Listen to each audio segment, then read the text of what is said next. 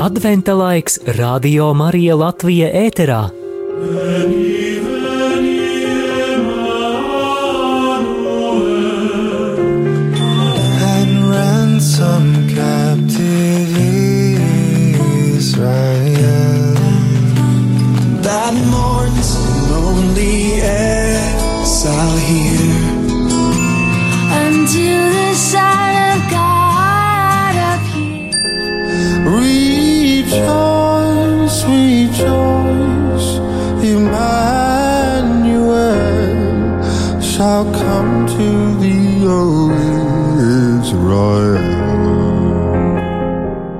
Vēro kā aug jēzus koks.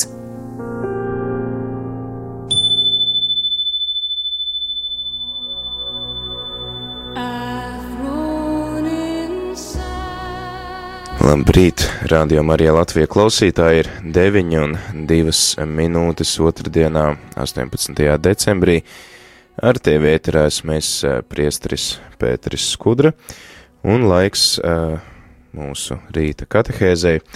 Turpinam gatavoties Ziemassvētkiem eh, šajā adventa laikā. Eh, Turpinam eh, arī pārdomāt dažādus vecās derības notikumus un varoņus, kas mums palīdz gatavoties Ziemassvētkiem, kas mums arī skaidro Ziemassvētkus un arī atklāja kaut ko svarīgu par Kristus misiju, kaut ko par viņa dzīvi, un eh, šodien tad eh, mūsu eh, arī rekolekciju simbols, tēls ir valis, kurš nāk no pravieša Jonas grāmatas, un šodien tad arī nolasīsim fragmentu no šīs grāmatas, kuru pēc tam arī pārunāsim, un arī, kā jau ierasts, noklausīsimies mūsu brīvprātīgo sagatavoto tādu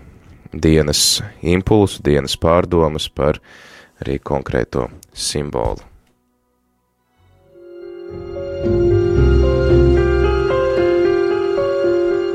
Ieklausāmies Dieva vārdā.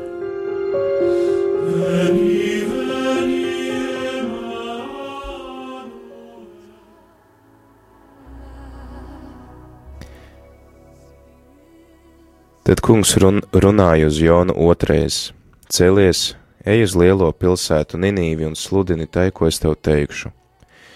Un Jona cēlās un gāja uz Ninivi, kā kungs bija tam licis, bet Ninive bija dievam liela pilsēta, cauri tai jāiet trīs dienas. Jona nostaigāja pa pilsētu vienas dienas gājumu un sauca: Vēl četrdesmit dienas, tad Niniva tiks nopostīta. Ninives ļaudis noticēja dievam, pasludināja gavēni un visi ieģērbās maisos no lielākā līdz mazākajam. Kad Ninives ķēniņam pienāca vēsts, tas cēlās no troņa, novilka savu tērpu, ietērpās maisā, apsēdās pelnos un lika, lai Ninīve izsludina. Tāda ir ķēniņa un viņa vara no griba, lai ne cilvēks, ne lops, ne vērsis, ne avs neko nebauda, lai ne ganās, ne dzer ūdeni lai sēdzas ar maisu gan cilvēks, gan lops un gauži sauc uz Dievu. Ik viens, lai atstājas no saviem ļaunajiem darbiem un varmācības, ko tas paradis darīt. Kas zina, ja nu Dievs vēl mitējas, varbūt viņš vēl apdomāsies un atstāsies no savas dusmu kvēles, ka neejam bojā. Kad Dievs redzēja viņus tā darām, ka tie atgriezušies no saviem ļaunajiem ceļiem, tad Dievs atstājās no visa ļaunā, ko bija teicis tiem darīt, un to nedarīja. Bet Jonam tas briesmīgi derdzās, un viņš aizsvilās dusmās. Tagad tad ieklausīsimies arī mūsu brīvprātīgo sagatavotajās pārdomās.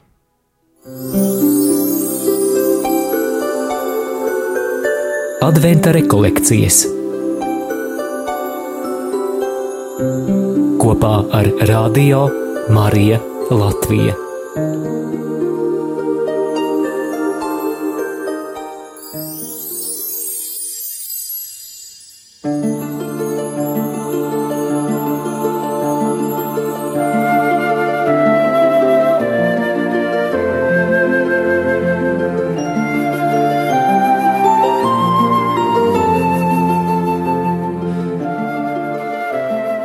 Darbie radījumā arī klausītāji, šodienas pārdomas mūsu radiorekolekciju ciklā Jēzus koks uziet kārtējais pumpurs, kas ir stāsts par pravieti Jonu.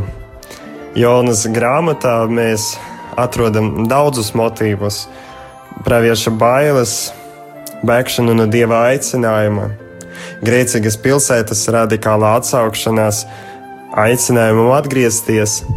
Tomēr šodienas pārdomas mēs pievērsīsimies vaļa tēlam, jo valis jeb lielā zivs aprie ūdeni iemestu Jonu un tās iekšienē pavadījis trīs dienas pēc lūkšanas pie dieva. Jonas atgriezās uz zemes, pildīt viņam no dieva uzticētu misiju. Un pats Kristus sauc pravieti Jonu par zīmi šai paudzei un saka, ka citas nebūs, jo kā Jona trīs dienas un trīs naktis bija milzu zivs vēdera, tā arī cilvēka dēls trīs dienas un trīs naktis būs zemes sirdī. Tādējādi Jona, kas iznāca dzīves no milzu zivs vēdera, ir zīme Kristum, kas bija mīris, apbedīts un ir augšām cēlies. Baznīcas tēvi tajā, kā pēc piedzimšanas bērns Jēzus tika guldīts Betlēmes alas lopu aploka barotavā, saskatīja ciešu alegoriju ar viņa vēlāko guldīšanu klintī izcirsta kapā. Tādējādi Kristus piedzimšanas vieta un apstākļi nav pasakāņas cukurnāmiņš, bet gan skaudra un traģiska realitāte. Tāpēc arī senē ikonografijas tradīcija pastāvēja tēls, kurā varēja redzēt jaundzimušu Jēzu guļam krustveida silītē, kura jaundzimušais jau ir plaši atplitis rokas kā uz krusta. Tā milzu zivs, kas aprījusi Jonu, kļūst par zīmi krustam un nāvei, bet arī dieva uzvarai par ļaunuma spēkiem. Briesmīga milzu zivs var attēlot mūsu dzīves pārbaudījumus un bailes, caur kurām mēs varam iziet tikai ticot uz Kristus augšām celšanos. Tas ir uz Dieva visvarenību, jo tikai Viņš spēj atdzīvināt to, kas šķiet mīris, kā saka apustulis Pāvils Vēstule romiešiem. Un tikai viņa uzticīgas mīlestības gaismā mēs varam izprast tumsas brīžus mūsu dzīvēm.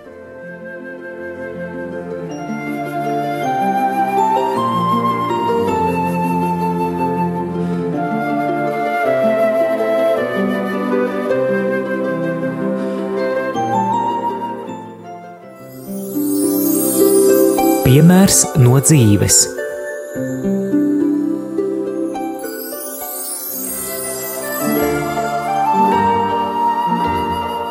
Dievs var likt apstāties liela vaļa priekšā ne tikai caur fizisku miera pozīciju, kustību, aktivitāšu ierobežošanu, bet arī caur dažādiem grūtiem notikumiem. Man vajadzēja apstāties vājas mīlestības priekšā, man bija jāpārtrauc sava vājā spēja mīlēt mammu, ārēji to parādīt, teikt labus vārdus, iepriecināt viņu. Dažādu ievainojumu dēļ es to nespēju. Māma saslima. Šī slimība manī raisīja dziļus pārdzīvojumus un sāpes, sākotnēji arī izmisumu un dusmas pret dievu. Vēlāk tas pārtapa dziļā pieņemšanā, ticībā un slavēšanā. Māma izvesaļojās no nāvējošas slimības. Mīlestība ģimenē atjaunojās caur šo apstāšanos, jeb slimību, kas bija lielais valis manā un manas ģimenes dzīvēm. Es izvēlējos Kristus mīlestībā ikdienas apliecināt ar vārdiem savai mammai, ka viņu ļoti mīlu un ka viņa ir brīnišķīga, ka viņa taps dziedināta. Tas notika, lai piedzīvotu Kristus krusta spēku, Dieva īpašo gudrību un vadību.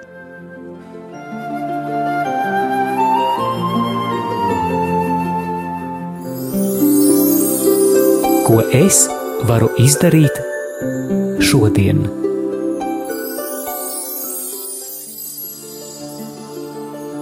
šodienas pārdomās mēs varētu sev jautāt, vai es apzinos kaut ko, kas manā dzīvē līdzinas šai milzu zīvī.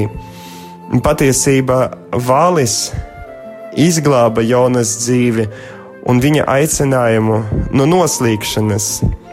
Vai es redzu, ka mani dzīves izaicinājumi, pārbaudījumi, arī krusti glāb mani no noslīkšanas, patmīlība, no noslīkšanas dzīvošana vienīgi sev. Lūksimies, draugi, lai Kungs atver mūsu sirdis, mūsu acis, lai mēs Betlēmes alas tumsa ieraudzītu patieso pasaules gaismu, Jēzu Kristu.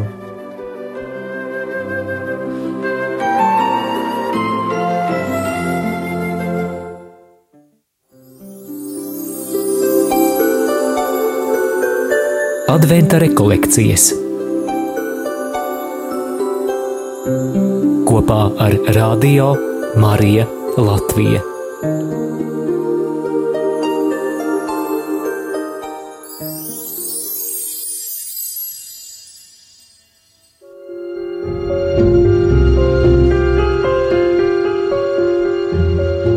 Adventa katehēze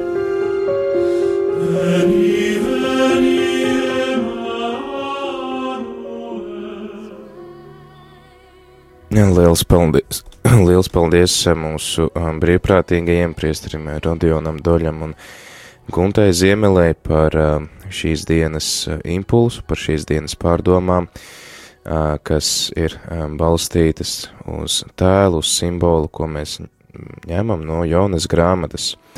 Tad, praviešu, viena no praviešu grāmatām vecajā derībā, kurā uh, tad atšķirībā no daudziem citiem praviešiem nav kaut kādu šo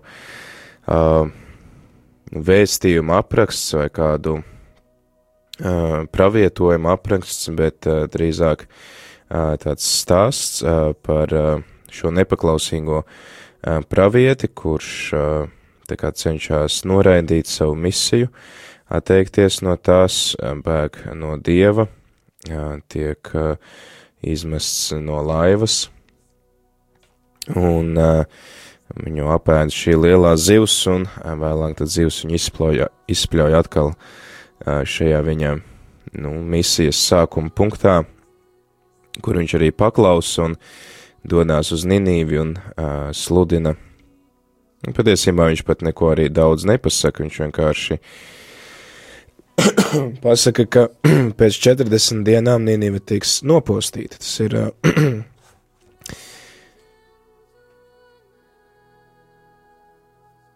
viens, viens teikums, ko viņš pasaka. Tur nav, nav nekāda tāda lielā sludināšana. Patiesībā tie ir paši ninīvieši, kas uh, izsecina, ko viņiem darīt, un viņi sāk uh, sludināt savā starpā šo uh, grēku nožēlu un atgriešanos pie Dieva. Un tad arī mēs noslēdzām šo trešās nodaļas fragmentu ar vārdiem, ka Jona bija dusmīgs, un viņš sadusmojās par to, ka Dievs apžēlojas par šo pilsētu, un Dievs viņam arī paskaidro, ka ka mēs to lasām 4. nodaļas 11. pantā, un man, lai nebūtu žēl lielās pilsētas Ninīvas, kur ir vairāk cilvēku nekā 12 reiz 10 tūkstoši, kas nezina atšķirt savu labo roku no kreisās, tad, tad Dievam ir dārgs katrs uh, cilvēks, un uh, Ninīve, kas tad ir Jonas, un, un kas ir Ninīve, un kāpēc viņam ir tādas dusmas par Ninīvi, tad Ninīve ir Asīrijas galvaspilsēta, Asīrijas impērijas galvaspilsēta, kura bija okupējusi ziemeļu šo Izrēla valsts daļu ap 8. gadsimtā pirms Kristus, un cilvēki bija izsūtīti uz Asīriju, un varbūt arī liela daļa no izrēliešiem dzīvoja uh, šajā pilsētā, un uh, visticamāk, ka tad arī šī grāmata uh, būtu pierakstīta jau pēc, pēc, šī, pēc šīs trimdas, kas bija vairāk kā simts gadus, un Tad arī atceramies, ka pēc tam arī sekoja jūdu valsts okupācija, tad, tad Izrēla tauta bija sašķēlusies divās valstīs, šī Izrēla valsts un jūdas valsts, kura sastāvēja no divām ciltīm no jūdas un um, tagad neatceros to otru cilti, un tad, pār, tad tā otra valsts sastāvēja no pārējām desmit ciltīm, un tad šīs abas tautas, vai šīs, nu, teiksim, tā notika šī valsts atkal tāda apvienošana izsūtījumā trimdā, un tad viņiem arī kādā brīdī visiem ļāva atgriezties. Un, kad jūdi atgriezās, tad bija tāda liela nu, nacionāla pašapziņa, un to varam pārlasīt Ēzras grāmatā, piemēram, par to, kā notika šī atjaunotne, kāds entuziasms bija arī tika atjaunots templis par spīti, par spīti daudziem nelabvēļiem, un tad arī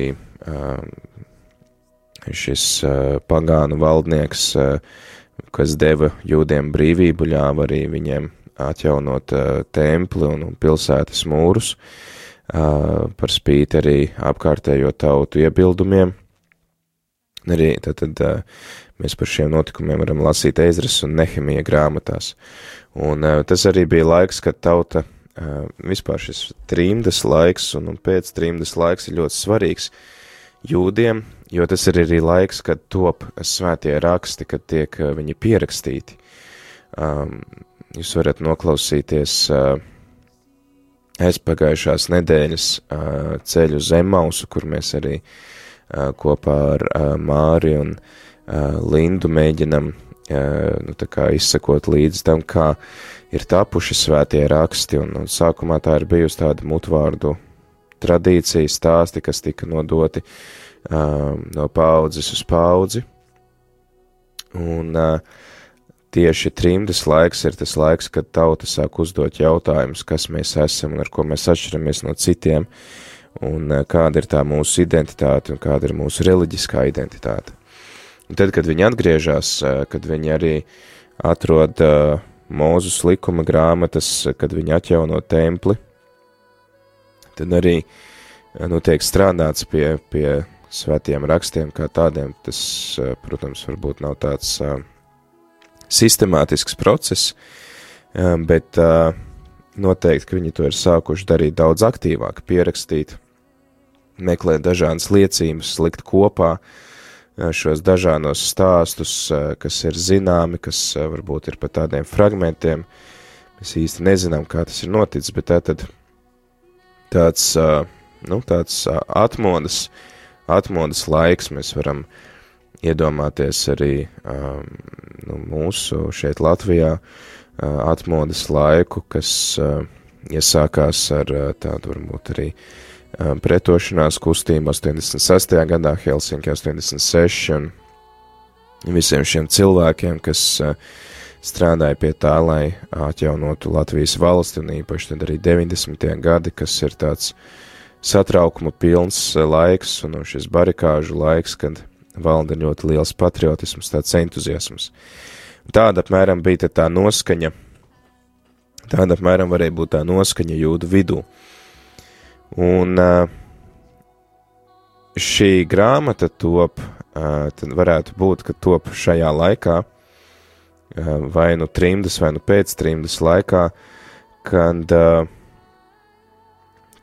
tiek runāts par Dievu, kurš ir žēlsirdīgs Dievs, un kā mēs to arī daudz kur svētajos rakstos atklājam, arī pats Jonas saka, kungs, vai to es nesacīju, būdams vēl savā zemē, tādēļ es steidzos beigt uz taršišu, es zināju, ka tas ir žēlīgs un līdzcietīgs Dievs, kaus dusmās, bet dāsnas žēlistībā, un ka tu atstājies no ļauna, Un arī jūdu tauta to vairāk kārt bija pati pieredzējusi, ka Dievs ir žēlīgs, ka viņš aiztur savas dusmas, ka viņš piedod, un kāpēc tad Jona būtu jādusmojās par to? tāpēc, ka viņš dusmojās par to, tāpēc, ka viņš grib, lai šī Ninīva ir nopostīta. Viņš grib, lai šī galvaspilsēta impērijai, kas bija okupējusi viņas zemi, um, nu, nepastāv.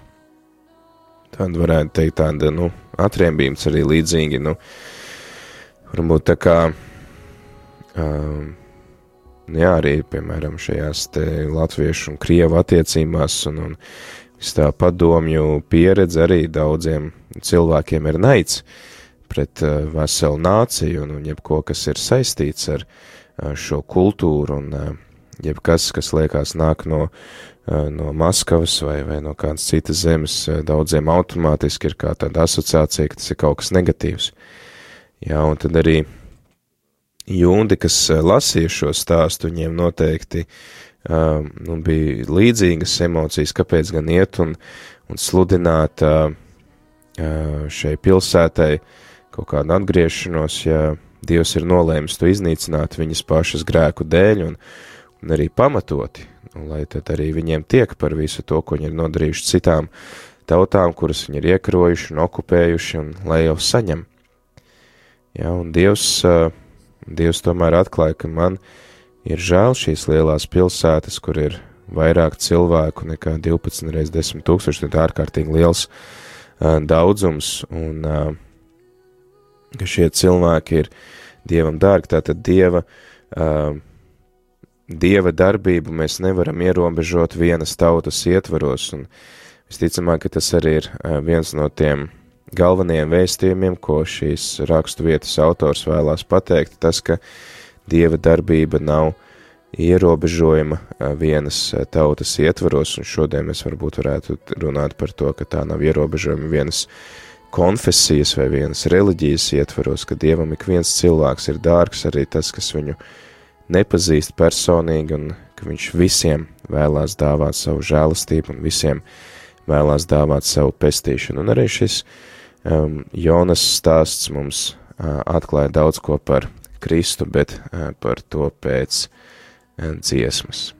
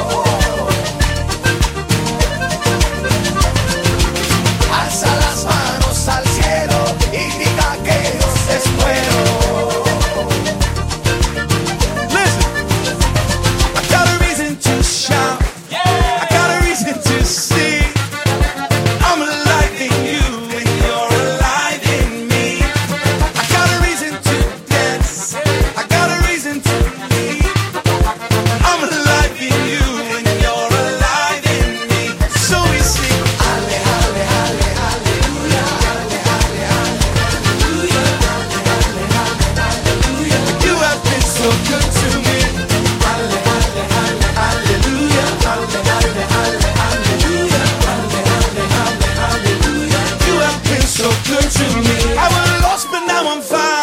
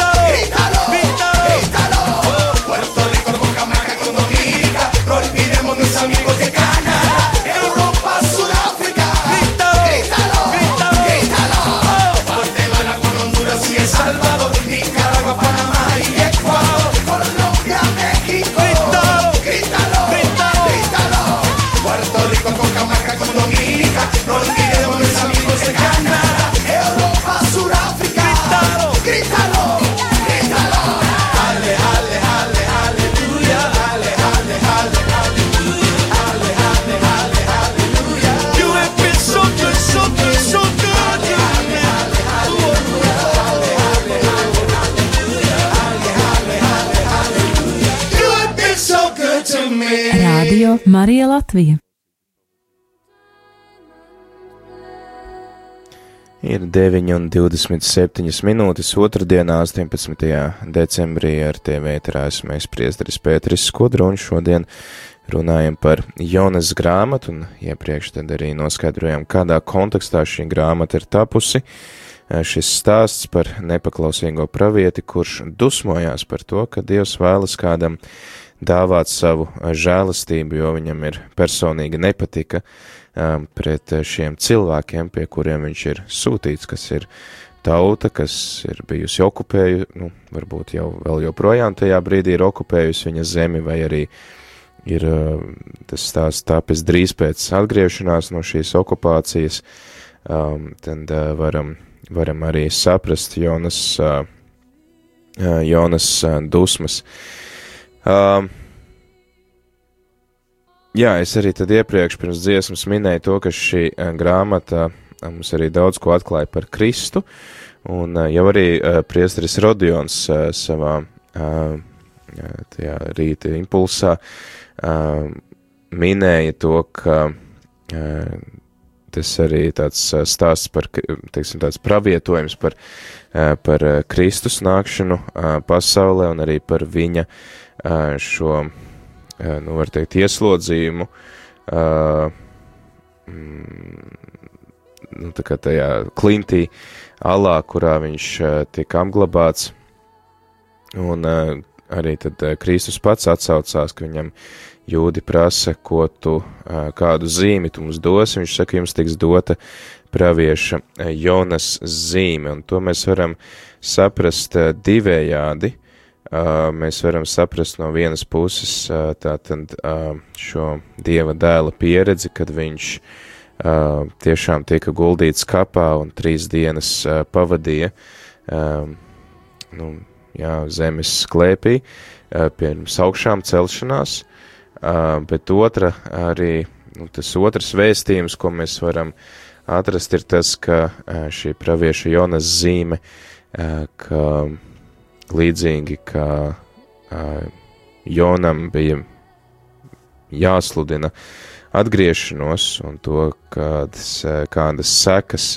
var būt grēkam, tad arī Kristus, kurš nāca sludināt Dieva valstību uh, un dāvāt cilvēkiem atgriešanās žēlastību, viņš arī pārmet to, ka ninīvieši, uzklausot Jonas vēsti, uzreiz nožēloja savus grēkus un lūdza Dievam grēku piedošanu. Savukārt, tur, kur ir viņš, kur ir kaut kas daudz vairāk nekā Jona, tur cilvēki nesaskata vai nesadzird šo vēsti un, un neatsaucās tai. Tad viņš arī pārmet, Jēzus pārmet vairāk kārt, ka šī tauta, kas ar acīm neredz un ar ausīm nedzird, klausās, bet nedzird, skatās, bet neredz, ka viņi palaiž garām šo žēlastības laiku. Un uh, tad mēs varam šodien pārdomāt vairākas lietas. Uh, pirmkārt jau uh, par pašu Jonu un uh, uh, mēģināt varbūt ielikt sevi Jonas vietā un pārdomāt, kad ir bijušas tās reizes, kad es bēgu no um, misijas, ko man ir sagatavojis Dievs, uh, kad es uh, izvairos uh, no tā, ko, uh, no tā, ko man uh, Dievs lūdz uh, darīt. Uh, varbūt arī tas ir saistīts ar kaut kādu personīgu nepatiku, ar uh, dusmām pret kādu. Uh, man arī varbūt liekas, ka uh, es arī varbūt domāju līdzīgi kā Jona kaut, nu, Jā, ka lai arī uh, tiešām notiek tā kāda nelaime otram, lai viņš tik tiešām arī uh, nu, tur uh, saņem pēc nopelniem. Uh, tas līdzīgi apmēram tā kā sportā, ja tā vietā, lai domātu, kā mēs varam uzvarēt otru komandu, mēs ceram, ka otrai komandai neveiksies un, un ka viņi zaudēs kādam vēl citam un mums būs labāka situācija nekā viņiem. Ja, tā tad es gaidu uz otra uh, nelaimi, varbūt tā arī es tiešā veidā to neizsaucu, bet es arī nu, labprāt arī uh, papriecājos, ja kaut kas tiešām otram neizdodas. Es domāju, ka tādas situācijas mēs noteikti katrs varam identificēties ar šādām situācijām, un uh, mēs varam mēģināt arī nu, lūgt Dievam žēlastību, lai mēs spējam pacelties pāri šīm kaut kādām personīgām antipātijām un uh, pārvarēt šo nepatiku pret cilvēkiem un uh, svētīt viņus, lūgt par viņiem, un arī tad lūgt Dieva žēlastības viņiem. Uh, līdzīgi tā kā kaķīšu dzirnaviņās, kad uh, karalis prasa šim kaķītim, ka, ko tu vēlies, lai es izdaru visiem tiem ļaudīm, kas ir darījuši pāri, un, un viņš atbild vēli viņiem labu. Un tad arī mēs varam domāt paši arī tādā, nu, Kristus kontekstā, tad mēs varam pārdomāt, vai es arī vienmēr ieklausos šajā Kristus vēstī un uh, izmantoju šo žēlastības laiku, kas man ir dots, lai, uh, lai tiešām, nu, ar vienu no jauna piedzīvotu atgriešanos, ar vienu no jauna izdarītu apņemšanos iet svētuma ceļu, iet pilnības ceļu, nevis tā kā man tas kaut kā pagadās un kā es esmu pieradis, bet kas esmu arī gatavs vienmēr no jauna um, nu, mainīt to savu domāšanu, tad, kad es esmu arī varbūt pārāk iesīkstējis kaut kādos savus dzīves uzskatos, kas uh, ir, uh, nu, varbūt nav dievam īsti apmienoši, varbūt nav arī tieši pretrunā, uh, bet arī uh, nu, neveicina manu uh, svētumu un uh, šo pilnības ceļu, tāpēc ir vērts, ir vērts ieklausīties tajā, kā Dievs uz mani runā šodien. Jā, jo Jēzus tā vēsts ir daudz, daudz pilnīgāka nekā tā, ko teica Jona, jo Jona jau neteica, ka, uh, hei, ļaudis, jums būs uh, iespēja uh, jums ir iespēja arī izvairīties no šīs soda. Viņš vienkārši staigā pa pilsētu un saka, vēl 40 dienas un Ninīva tiks nopostīta. Viņš nedod īstenībā nekādu cerību, arī tad uh, var redzēt, ka viņš ar tādiem gariem zobiem pilda to misiju, ko Dievs viņam ir uzlicis darīt.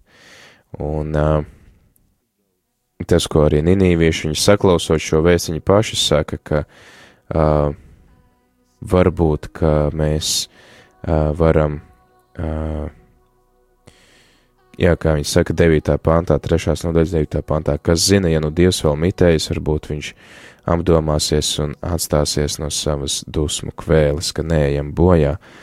Jā, tātad tie cilvēki paši uh, nu, saklausa sirdī šo, šo pamudinājumu dzirdot Jonas vēsti, un mums Kristus vēsts ir daudz, daudz pilnīgāk. Viņš mums ne tikai pasaka par to, kas, kādas sekas ir eh, grēkam, bet viņš mums arī atklāja to, ka Dievs mums vēlās piedot un ka Dievs vēlas mums dāvāt savu žēlastību, dāvāt savu piedošanu arī tev tagad. Dievs var piedot jebko, ko tev sirdsapziņa pārmet, varbūt arī kāds no mums domā, eh, ka man neko sirdsapziņa nepārmet, es neko sliktu neesmu izdarījis, man es nevienu neesmu nogalinājis. Um, nezinu, tur neesmu pārkāpis laulību vai vēl kaut ko, jā, bet tad uh, arī priekš tevis šī vēsts ir šī labā vēsts, kas tevi var iedvesmot uh, darīt vēl labākas lietas un uh, iegūt arī tādu mūžīgu vērtību tam, uh, ko tu dari un uh, tam labajam, ko tu dari. Uh, um, Jā, un noteikti, mēs arī, arī tie, kas no mums domā, ka mums nav nekādu tādu smagu grēku uz sirds, tāpat mēs noteikti varam atrast uh, kaut kādas lietas, kuras mēs pārdomājam, kuras mēs tā kā gribētu nožēlot un, un kuras noteikti mēs nedarītu. Otrais, ja mums būtu tāda iespēja un uh, ja būtu kaut kas jāmaina, tā kā arī no tā visa Dievs, Dievs tevi var atbrīvot, Dievs tev to var piedot un arī viņš tevi aicina nes šo vēsti tālāk un, un to stāstīt visiem cilvēkiem, jo Dievs vēlās veidot šīs mīlestības attiecības ar ikvienu no mums. arī ar vislielākajiem grēciniekiem, vislielākajiem noziedzniekiem, jo arī tādiem šī Dieva žēlastība ir visvairāk vajadzīga. Uh, noklausīsimies tagad uh, dziesmu un pēc tās tad arī noslēgsim šo katehēzi.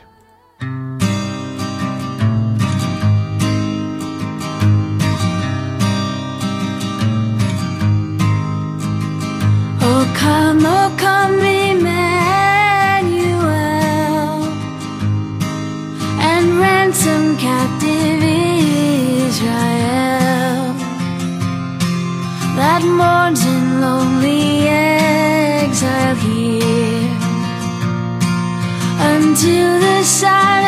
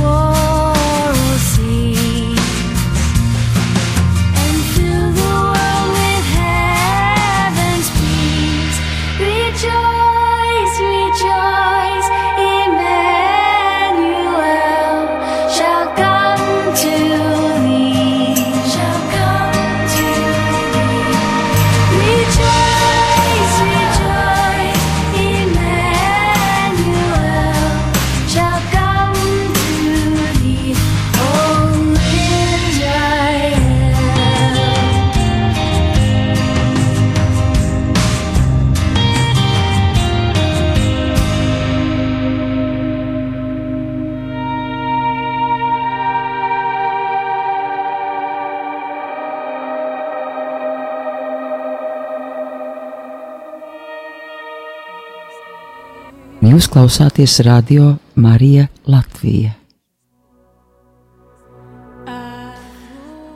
Jā, rādījumā arī Latvija ēterā turpinam ar uh, rīta katehēzi, ar tevi ēterā esmu es priesteris Pēteris Skudru, un šodien tad uh, pāru, pārunājam Jonas grāmatu. Uh, pavisam īs stāsts, uz divām lapas pusēm pierakstīts, ko noteikti šodien uh, var izlasīt klausītāji un arī pārdomāt, kā tas uzrunā tevi.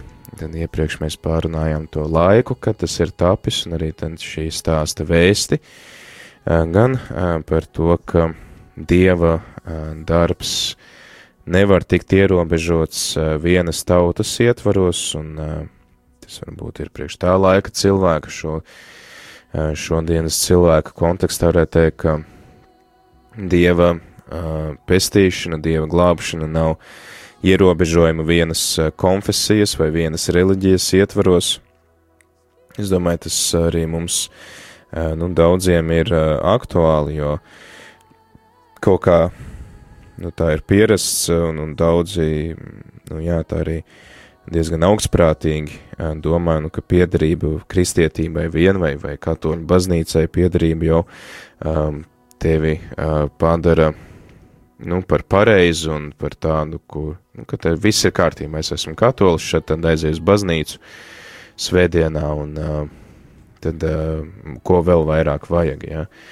Uh, bet uh, Dievs, uh, Dieva uh, darbi, Dieva žēlastība, Dieva gars, uh, viņš nav ierobežots uh, vienas uh, konfesijas vai vienas reliģijas uh, ietvaros, viņš var arī runāt uz, un mēs arī redzam, ka viņš runā uz, arī uz neticīgiem cilvēkiem, viņš runā arī uz cilvēkiem uh, no citām reliģijām, un uh, tāpēc ir vērts uh, nu, būt labās uh, jā, attiecībās arī ar uh, citu reliģiju, citu konfesiju pārstāvjiem, un nebūt tādiem augstprātīgiem, ka tagad mums uh, pieder Dievs un, un tikai, uh, nu, tikai šeit viņš darbojās. Protams, ka mums katoļu baznīcā ir doti uh, šī pestīšanas līdzekļu pilnība, sakramenti un, un, un atklāsme, un, un, un tas viss, ko mums Kristus ir devis, tas ir vērtīgas un labas lietas, un mums pie tām ir jāturās, jo tad tas ir tas veids, kā Dievs mums uh, vēlās dāvāt glābšanu, ka mēs viņu iepazīstam, bet tajā pašā laikā mēs nedrīkstam domāt, ka ārpus šiem līdzekļiem Dieva garam trūktu izdomas, kā glābt citus cilvēkus, un arī, arī varbūt tādus, kas mums dara pāri un kuri mums nepatīk, arī tiem Dievs ir sagatavojis pestīšanu, viņš ir sagatavojis glābšanu, Un arī jautājums, tad kādi mēs paši esam sludinātāji. Jā, vai mēs esam varbūt kā Jona, kuri ar gariem zobiem uh, uh, sludina uh, kaut kādu nu, nolemtību, un arī ir šodien arī netrūks tādu uh, nolemtības praviešu, kuri saka, ka visi slikti mēs izmirstam, dzimstība ir maza, šķiršanās, lau, šķirto laulību skaits ir liels, um, korupcija, kāri, nemieri, piesārņojums, vispārējais, un uz pasaules galu mūs tas viss ved. Vai arī tieši otrādi, ka mēs varam sludināt un teikt, ka vēl ir laiks, lai atgrieztos, vēl ir laiks, lai kaut ko mainītu, vēl ir laiks, lai piedzīvotu Dieva žēlastību, lai piedzīvotu Dieva uh, piedošanu. Vēl ir laiks, lai kaut ko mainītu savā dzīvē, lai kaut ko uzlabotu, ka ir cerība, jā, nevis, ka ir tāda nolemtība un, un, un principā arī nav vērts neko darīt, bet tieši otrādāk ir cerība, ka mēs varam ar Dieva žēlastību daudz ko vērst par labu, un tāpēc arī, es domāju, šie praviešu Jonas grāmatā ir vērts pārlasīt, ko pāvests Francisks ir rakstījis uh, dokumentā Evangēlija Gaudium. Arī latviešu valodā mēs varam atrast šo dokumentu Evangēlija prieks, kur viņš apraksta to, kādu viņš vēlās redzēt baznīcu, baznīcu, kas nav ieslēgusies sevi un kas varbūt arī gaida pasaules galu, un uh, lai tad arī Dievs soda visus tos cilvēkus, kas viņam netic un, un kas varbūt mums dara pāri un, un kuri, uh, kuri tur smējās par reliģiju vai vēl kaut ko, bet tieši otrādi, ka viņš uh, saka, ka Dievs vēlās redzēt tādu baznīcu, kura ir uz ielas, kura, uh, kura uh, drīzāk ir nosmērējusies un satraumējusies uh, ejot pie citiem cilvēkiem, bet kura tad iet pie cilvēkiem, kura nes šo cerību, kura nes šo dievu piedošanu, kura uh, mēģina aizsniegt tik vienu cilvēku. Nevis gaida, kad nu, tas cilvēks kaut kā pats dzīvē aplausies, tad varbūt atradīs ceļu uz baznīcu, un tad diez vai vēl tur viņu uzreiz tā arī ar atklātām rokām pieņems.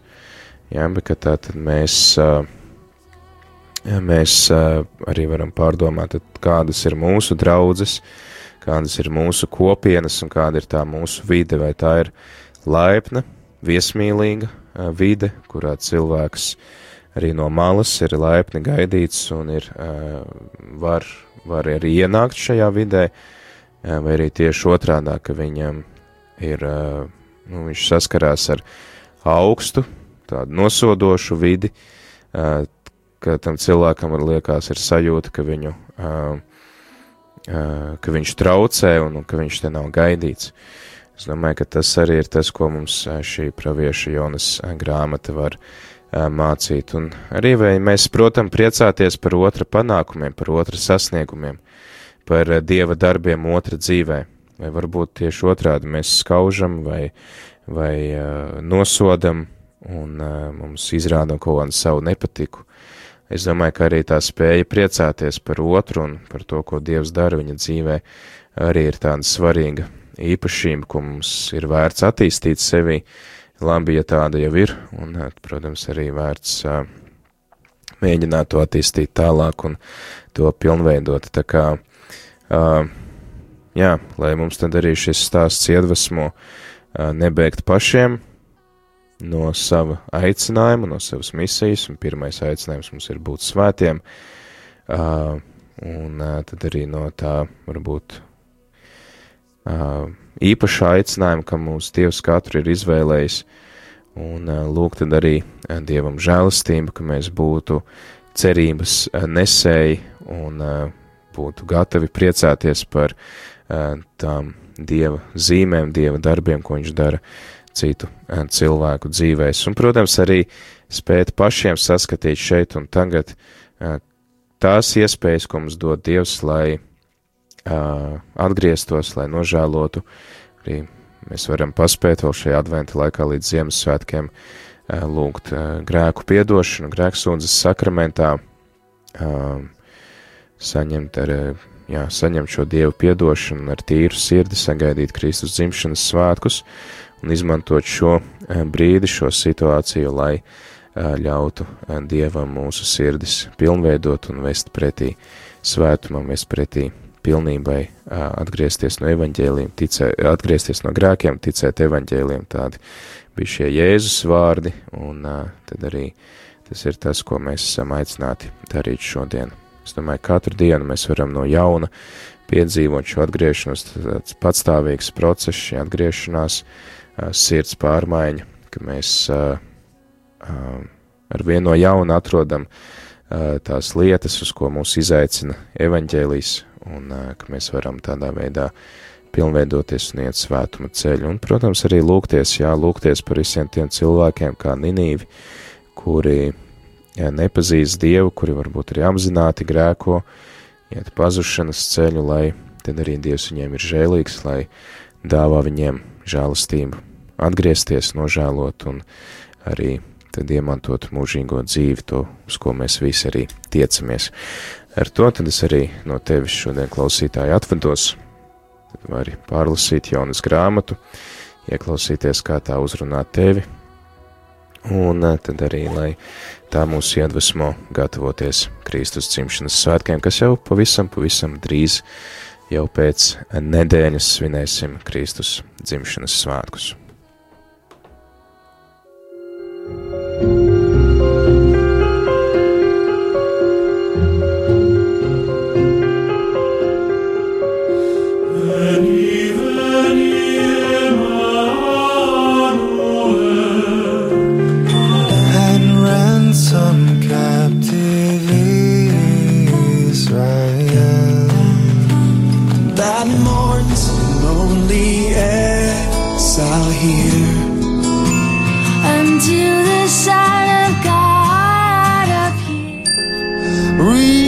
Rejoice, rejoice, Emmanuel